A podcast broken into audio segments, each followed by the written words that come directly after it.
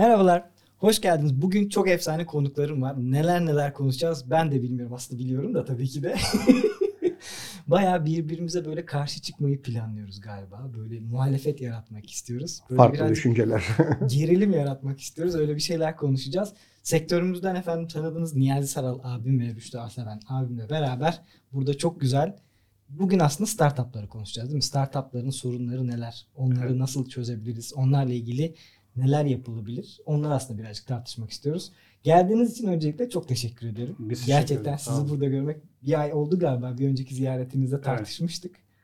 Şimdi böyle sessiz sessiz duruyoruz ama aslında kıkır kıkırdıklarından beri. Yavaş yavaş başlayalım. Nasıl düşünüyorsunuz? Neler yapıyorsunuz? Hoş geldiniz. Evet, Girelim bakalım. Önce bana baktınız ha. Evet. ya startup tabii son e, 10-15 yıldır Türkiye'de de dünyada da hani çok e, anılan bir kelime. Artı herkes startup kurmaya çalışıyor. Tabii biraz bilişim e, işinin de burada e, etkisi çok. Çünkü niye? Yani bin dolarlık bir bilgisayar aldınız mı işletme kurabiliyorsunuz. Yani herkes böyle başlıyor. Herkes böyle olduğunu söylüyor. Ama bence yani startup sadece iyi bir fikir değil. Yani tabii herkes startup'ın ilk e, adımının iyi bir fikir olacağını söylüyor. Hı hı. Olması gerektiğini söylüyor. Yani chat GPT bile soruyorsunuz yani startup nasıl kurulur, ne yapar işte Hı hı. e, nedir falan filan diye ilk de iyi bir fikir bulun. Sanki zannediyorlar ki yani iyi bir fikir Fikirle her bulduğunda şey bitti her şey. Bir fikir olması lazım ama bu fikrin gerçekten bir ürüne, gerçekten bir bir hizmete, bir farklı bir e, katma değer sağlayabilecek bir ürün olacağı veya hizmet olacağı fikrini pek insanlar göz ardı ediyorlar gibi geliyor bana. Hı hı. E, ve tabii başka parametreler de var aslında. Yani sadece iyi bir fikirle hani her şey olunmuyor. Evet. Yani bundan diyelim ki 15-20 sene önce Facebook benzeri sosyal ağları biz de kurmuştuk. Hatta işte forumlar şunlar bunlara dönüşmüştü daha Evet. sonra ama hiçbirisi bir Facebook olmadı. Ki Nitekim Facebook'ta 3 aşağı 5 yukarı şimdi aşağıya doğru gidiyor. Evet. Farklı fikirler, e, uygun fikirler ve bunların bir katma değeri olması lazım. Yani değişik bir e, bakış açısıyla sektöre bakılması gerekiyor. Ya çok katılıyorum o noktada. Hani tek bir tek fikrin doğru olması aslında yetmiyor. Arka tarafta çok malzemenin de bir arada olması gerekiyor. Bir de herkesin startup kurması aslında doğru bir şey mi? Yani bir de o tarafı var işin. Yani şimdi startup kuruyorsun ama bu bir trend de mi de dönüşüyor acaba? Ya şö- şöyle bakmak lazım. Şimdi biz toplum olarak yani yani tabii dünyadaki genelde de bu böyle ama Türkiye'deki toplumda da biz böyle benzer şeylerin kopyalarını çoğaltmayı severiz. Yani bir şey yapılıyorsa ha demek ki burada bir ekmek vardı. Yani bir mahallede birisi sucu açsın hemen orada 10 tane daha sucu açılır. Yani en kötü örneğinden böyle gidelim. E, bu da bu da bunun gibi bir şey. Abi şimdi ben şeyi soracağım yani, yani bu şey için startup açmak için illaki şeyden mi başlamak lazım? Yani e, garajlardan mı başlamak lazım? Yani bir garaj mı olacak yani şimdi? Yani yokluktan mı gelmek Ya lazım? model şöyle aslında. Yani dünyadaki modelin Türkiye'ye evrilmiş hali, dünyada ne kadar farklı modeller var bilemiyorum ama esas olarak şöyle. Yani bir fikir var ortada. Bilişinde en azından startup. Genellikle teknolojik startuplardan bahsediyoruz. Bilişimde bir startup, bir fikriniz var. O fikrinizle ufak bir organizasyon kuruyorsunuz ve organizasyonuna yatırım alıyorsunuz. Yani esas amaç bir girişimci olarak o fikrin etrafında bir işletme oluşturmak, o işletmeyi yüzdürmek ve sürdürülebilirlik değil yani. Yatırım almak. Evet. Ve bunun için işte çeşitli platformlar kuruldu. İşte ım, topluluk organizasyonları var. Büyük şirketler işte startuplar için e, çeşitli böyle yarışma gibi veya işte ön görüşmeler gibi bir takım faaliyetleri var. Hı hı. Yani startup dedikleri model bu. Ama girişimcilikle startup'ı karıştırıp da biraz bakıyoruz biz e, konuya. Bana öyle geliyor. Hemen böyle ık diye belki bir uygulama yapalım.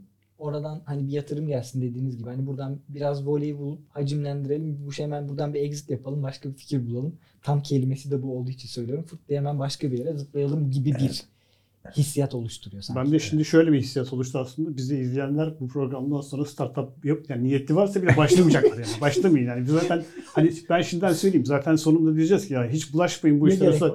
Yani gidin bildiğiniz işi yapın.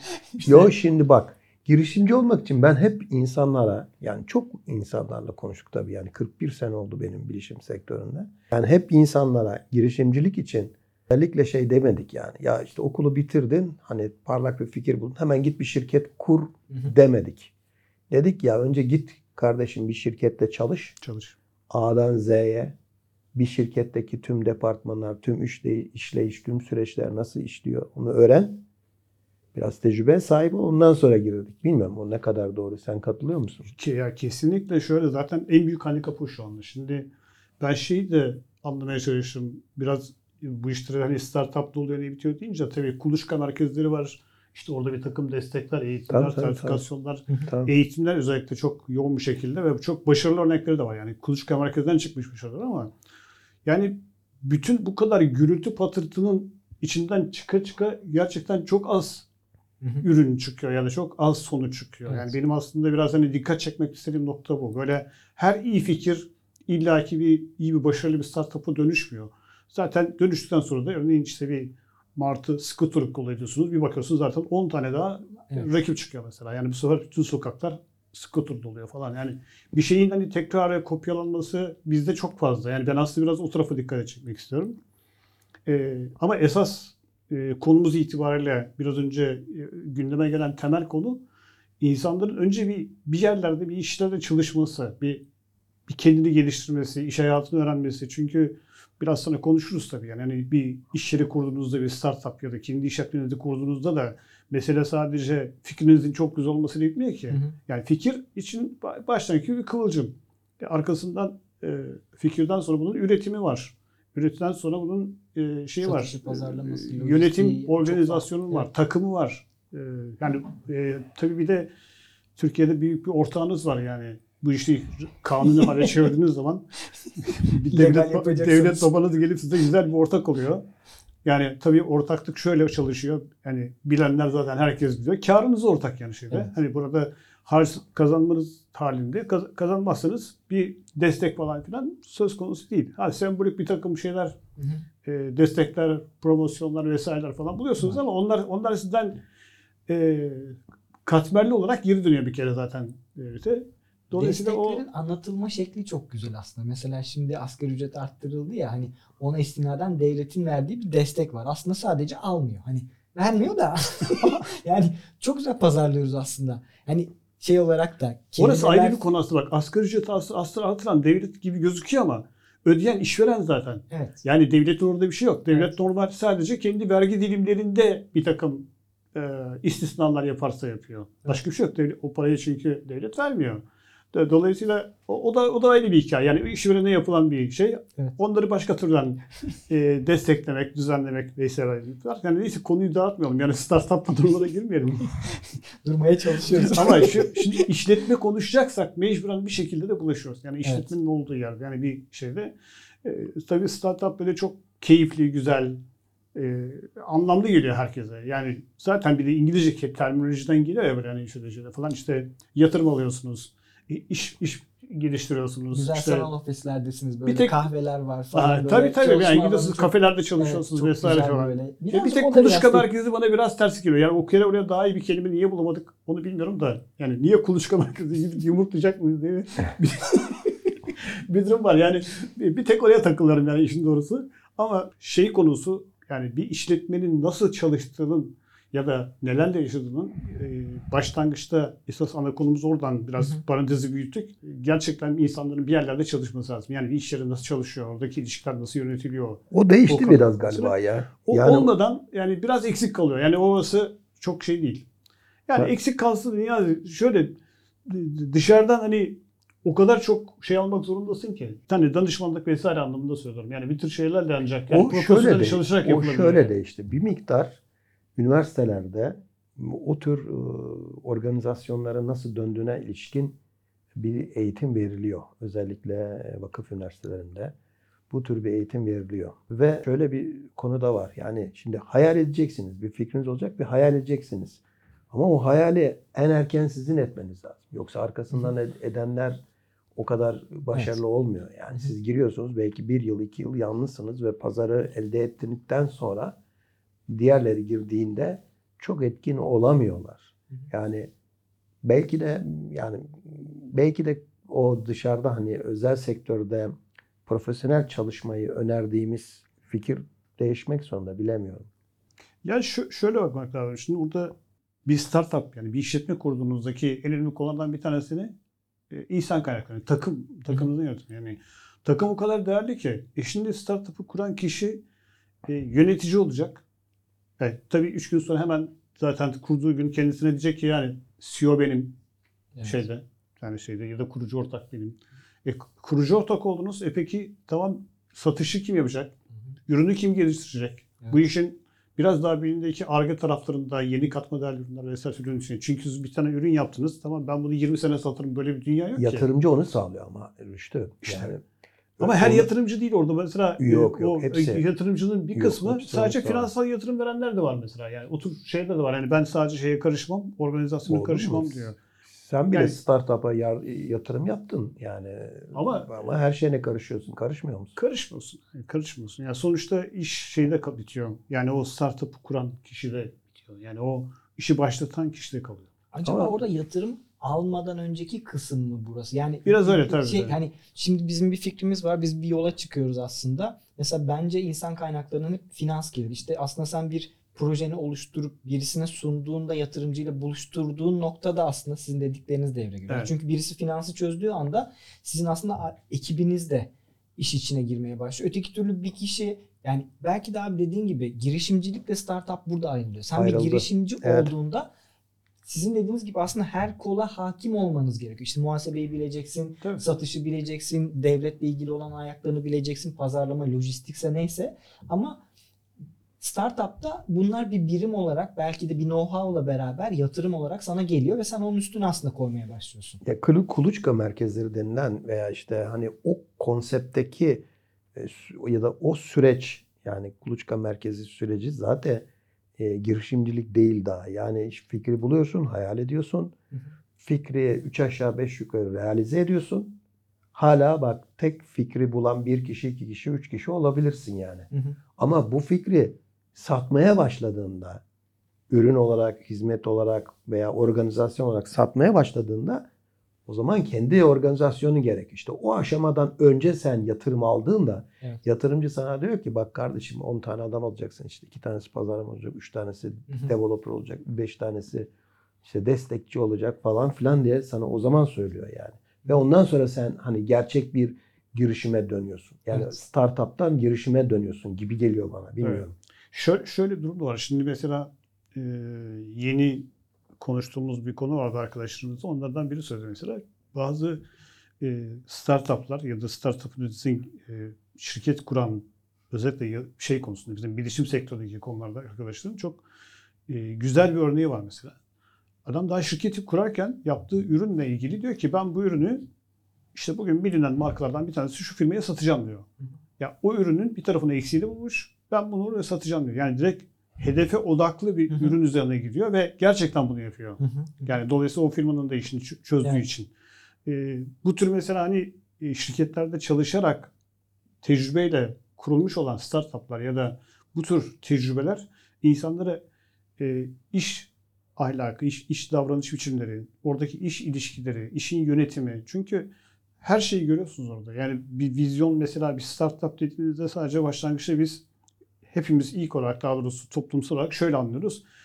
Ben güzel bir fikir geldi. Bu fikir daha önce yapılmamış. Ben de bu fikri getireyim hemen uygulayayım. Bunun yazılımı, donanımı vesairesini uygulayayım. İnsanlar da kullanmaya başlasın. İşte bu bir, diyelim ki tansiyon ölçen bir saat olabilir. Ne olabilir? Hadi bundan sonra da bu iş ürün satsın. İşte bu iş konuştuğumuz şeklinde düşündüğünüz zaman çerçeve iş gerçekten çok zor yani. O e, yapı şey zorlaşıyor. Ya orada zaten fikir aslında öncelik kazanıyor. Senin dediğin gibi yani o fikri sadece yani şu an dünyanın nüfusu 8 milyar oldu. Hani sadece senin o ürünü yaratıp çıkartıp onu pazara sunman en zor kısım da bu. Sıfır bir pazarda pazar yaratman Evet. aslında sizin az önce dediğiniz gibi evet sen bir bilinirlik yaptığında ilk sen işte Selpak markası gibi yani Selpak kağıt mendildir ama hani böyle alınabilirsin. Diğerleri daha zor. Ama senin buradaki kat ettiğin enerji çok fazla. Çünkü pazara ilk penetre olmaya çalışıyorsun. E, En zor kısımlardan birisi. İyi de iyi hayal etmek gerekiyor. Çok önemli olan konu o bence. Yani herkes bir şeyi hayal ediyor.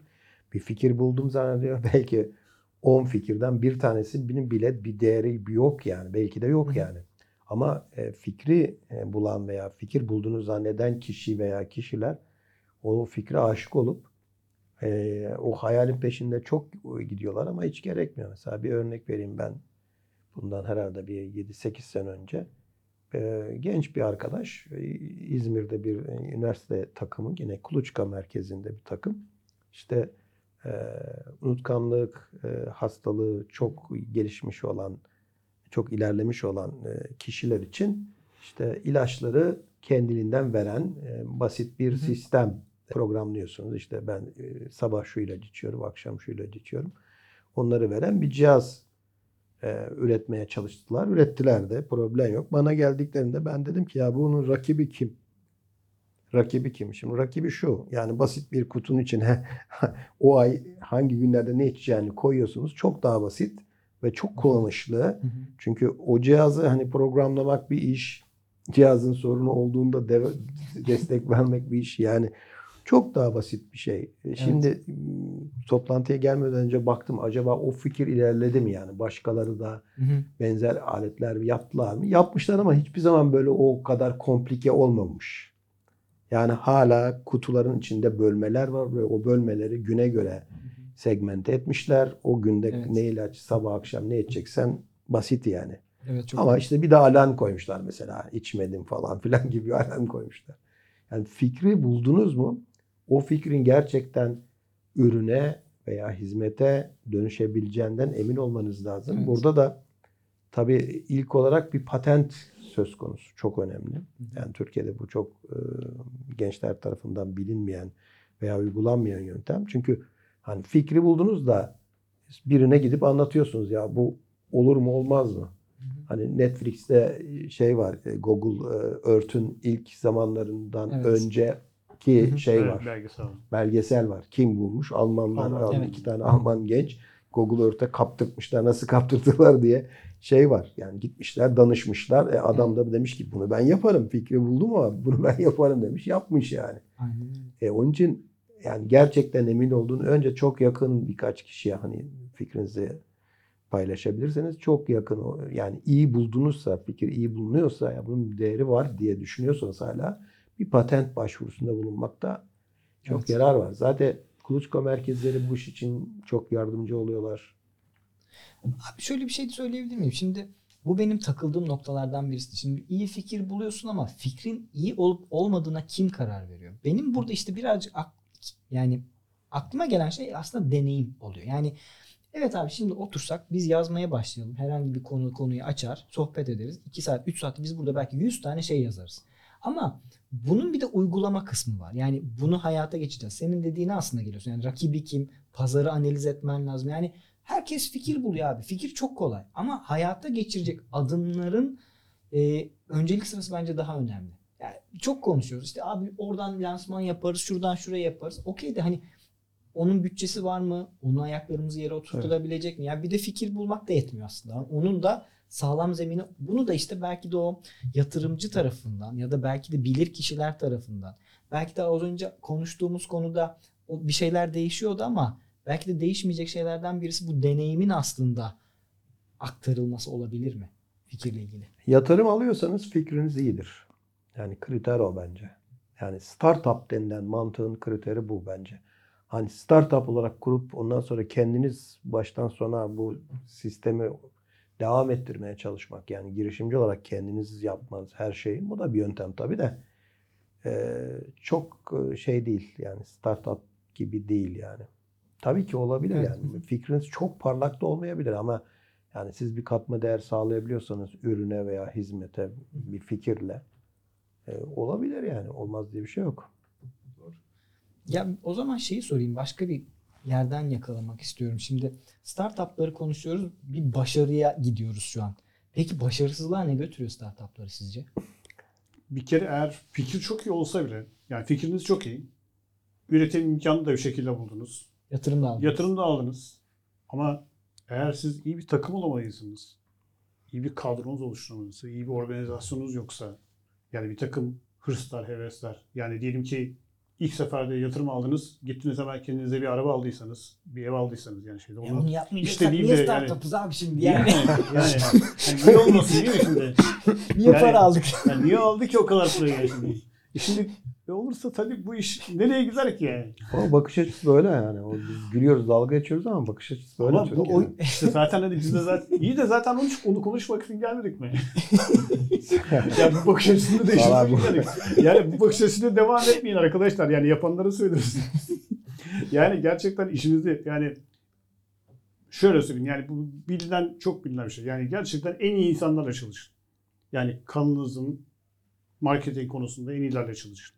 İşte e, teknik konulardaki konularla ilgili en iyi, en iyi adamlarla çalışın. ARGE konusunda uzmanlarla çalışın. Üniversitelerle büyük, büyük işbirliği yapın. Maalesef tabii bir sürü şey konuşabiliriz. O ayrı bir segment üniversite konusu ama yani yine de orada muhakkak alabileceğiniz çok ciddi destekler, katkılar olabilir. Çok özverili insanlar olduğunu biliyorum işlerinde. E, dolayısıyla işinize yani kendi işinize artık nasıl söyleyeyim şey gibi olmak lazım. Hani ben bir iş buldum, yaptım, tamam ürünü de koydum ortaya, satıyorum da, tamam para da geliyor, yeter. Yok öyle bir dünya yok yani. Yani çalışma saatinizin olmadığını düşünün bir kere. Hı hı. Yani bir startup kurarak gerçekten bir girişimi geliştirmiş biri gören kişi o artık uyku saatiydi yok işte çocuğun okul saatiydi bilmem onları falan bir unutsun ya da ya da yazın tatile giderdik şöyle yapardık falan. Onlar onlar hikaye yani. Bak Sinan'ın mesela bir hayali var. Haftaya tatile çıkacak kendince. Çok büyük bir hayal yani. Hayır öyle. Hay- hayal kurmasında problem yok. Evet, Ya- ben yapmasın sadece, ben Ben söylüyorum. bozmadım mesela. Hay- hay- hayal olmasında O- problem yok. o- Hayal kurulabilir tabii. O iyi bir şey yani şimdi. İnsanların hayali olsun. Ama onu hep hayal olarak ileride tutsunlar yani şimdi. Evet. Yani o e, ilerideki havuç gibi dursun orada bir yerde. Güzel bir şey. Karakter yapısına da bağlı. Yani eğer girişimci olmak istiyorsanız yani hakikaten e, neler ne gibi özverilerde bulunabileceksiniz. Tabii Bunu tabii. bir Ön- ön- şey aslında yapmak çok lazım. özür dilerim ya. Çok e, burada yani çok önemli bir noktaya koyuyorum. Yani bence girişimci olacak kişi fikirden önce gitsin bir aynada otursun kendi kendiyle bir karşılaşsın yani. Ben neye katlanabilirim? Hı hı. Yani hangi zorluklara katlanabilirimin bir bir listesini yapsın önce. Yani uykusuzluk, açlık, e, borç, Evet. pa- para, Evet. yoksunluğu, Stres. e, stres, tabii aşırı stres, böyle tabii mide vesaire, gastrit, ülser bilmem ne gibi hastalıklar, baş ağrıları bilmem ne falan. Bunun hepsine ne kadar ya da Ya taksici mi oluyoruz abi ya? Abi hayır Tak, taksiciler de öyledir yani. Hepsi bilgisayardır yani. önce önce önce, bun- önce bunlara bir baksın gerçekten. Ondan sonra o fikrimi şimdi ben yani ben bunlara katlanabilirim ya da işte bunların %80'ine 90'ına katlanabilirim diyorsa gerçekten bir yola çıkmak için Hı hı. e, hangi aşamaları yapması gerekiyor? E, tabii sosyal çevresinden başlayarak yakın arkadaşlarından vesaireden kullandığı fikri insanlara danışacak, edecek birilerine danışacaksın. Yani benim fikrim geldi. Hadi yarın gelip benim ruhsatı aldım. Ertesi gün 3 tane adam buldum. Üretime başladım. Böyle bir dünya yok yani. Hani Evet. e, şeyde. E, sonuçta hani biraz şey lazım. Önce bir kendisini check etmesi lazım. Nelerden fedakarlık edebilir? Ne kadar özveri verilebilir e, takımıyla ilgili? E, tabii onların ne her yaptığını bir kere çok iyi takip etmesi lazım. Kendi ekibinde çalışacak insanları çoğu zaman hayır demesi lazım.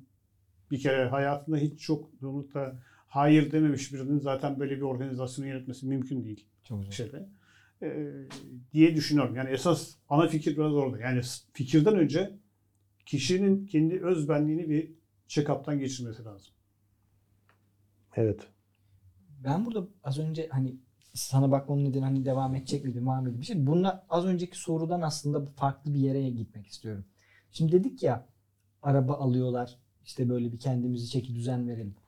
O yatırımın amacını aslında aslında belki de açıklayabiliriz ki hani neden o paranın onun parası olmadığı ya da yatırımcının startup'ın girişimcisinin olmadığını anlamak için. Yani sen bir projeksiyon çiziyorsun yatırımcına. Diyorsun ki ben şu kadar bir ekip alacağım, şu kadar donanım alacağım, şunu yapacağım, şu kadar yer kiramız var ve ben bundan 3 yıl boyunca, 5 yıl boyunca, 1 yıl boyunca para kazanmayı beklemiyorum. Bu da benim finansal tablom. Yani aslında baktığında 10 milyon dolar, 10 milyon TL yatırımın varsa o zaten senin gelecek depoziton gibi. Yani Tabii onu ki. aslında koyuyorsun oraya ve Tabii, cepten yiyorsun. O para senin değil yani tabii, aslında. tabii kesinlikle onu söylemeye çalışıyorum. Böyle bakıp da ilerlendiğinde daha doğru bir şey. Yani Aynen. aslında sen startupsın. Bugün özel birisin. Girdin aslında başka birinin bordrosu altına giriyorsun ve çalışmaya fikrini geliştiriyorsun. Avantajı farklı olan noktası para kazandığında sen de para kazanıyorsun. Hani patrondan farkın kısmında kısmen ne oluyor? Evet. Evet. Yatırımcı tabii e, bunların çoğunu sana öğretiyor da. Yani onların çünkü e, iş planları, iş planlarının ne zaman ne yapılacağı, Hı hı.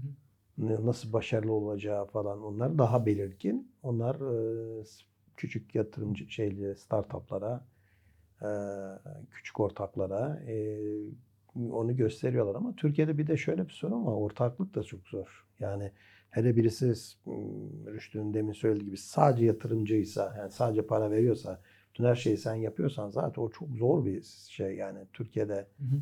yönetebilmek çok zor. Çünkü e, Türkiye'de hani sen startup'ı kurdun aynı zamanda iyi bir çalışansın da yani. Sadece hani sen fikri ortaya koydun, çektin gittin değil ki. iyi bir çalışansın da. Bir ücret alman lazım. Hani e, karar mekanizmalarında senin belirli bir hı. olması lazım. E, yatırımcı sana yol gösterecek e, kadar bilgisi olması lazım. Hı hı. Ya da belki sadece parayı koyup çekilecekse o, o çok daha zor bence. Bence güzel bir konu açtık. Yani startuplar önemliydi. Hani ne yapılıyorlar? Bence girişimci özellikle startup arasındaki fark nedir? Bunlarla ilgili konuşacak çok şey var. Bir de merak ettiklerimden birisi acaba bir sonraki bölümde şey mi konuşalım? Başarılı bir startup nedir? Var mı güzel bir örneklerimiz? Bunları mı değerlendirsek? Gençlere niye aslında nasıl bir yön vermeliyiz? Onlar nereye aslında evrilmeli? Sanki bunların böyle altından farklı farklı sorular çıkacak gibi geliyor. Yani yavaştan Tabii bu- böyle kapatalım bu bölüm. Hani şimdi süremizi de dolduruyoruz. İkinci bölümü onları bırakalım. Sizlere de bir gönderme yapalım. Hani varsa sorularınız, sorularınızı alalım. Özellikle çünkü yani startup olur, girişimci olur. Bu ekosistemle ilgili yatırımlar nereden alınabilir, süreçler nasıl işliyor? Bunların hepsi aslında çok önemli şeyler. İkinci bölüm için en azından size böyle bir ucu açık soru bırakalım. Sorularınızı alalım. Biz de onlara göre de devam ederiz. Değil mi? Ben Tamam. ufak bir şey yapayım sonra sözü üstada bırakayım. Ee, bugün zaten bizi izleyenler şunu söyleyebilir. Ya boş ver ya kim uğraşacak bunlarla? Ben yani startup startup git kardeşim.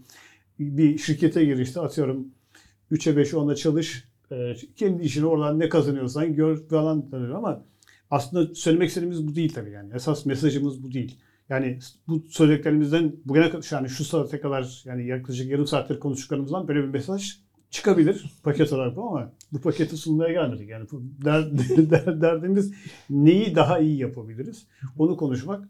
Ee, ama alternatif dediğiniz gibi e, şeyleri bir sonraki bölümde daha detaylı bir şekilde açarak örnekleriyle, iyi örnekleriyle e, paylaşalım. Evet ben de katılıyorum.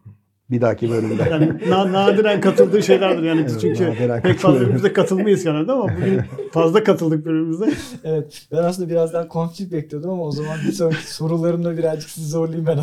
Genelde çünkü Niyazi Bey'in temel terminolojisi katılmıyorumdur yani. Katılıyorum değil de yani katılmıyorumdur ama. Ya eğitim konusunda veya işte hani işletmecilik konusunda hani e, genel e, genel geçer birçok fikre ben karşıyımdır. O yüzden hani Hı hı. Hep katılmıyorum katılmıyorum diye şey yapar ama eğitimde daha çok yani o.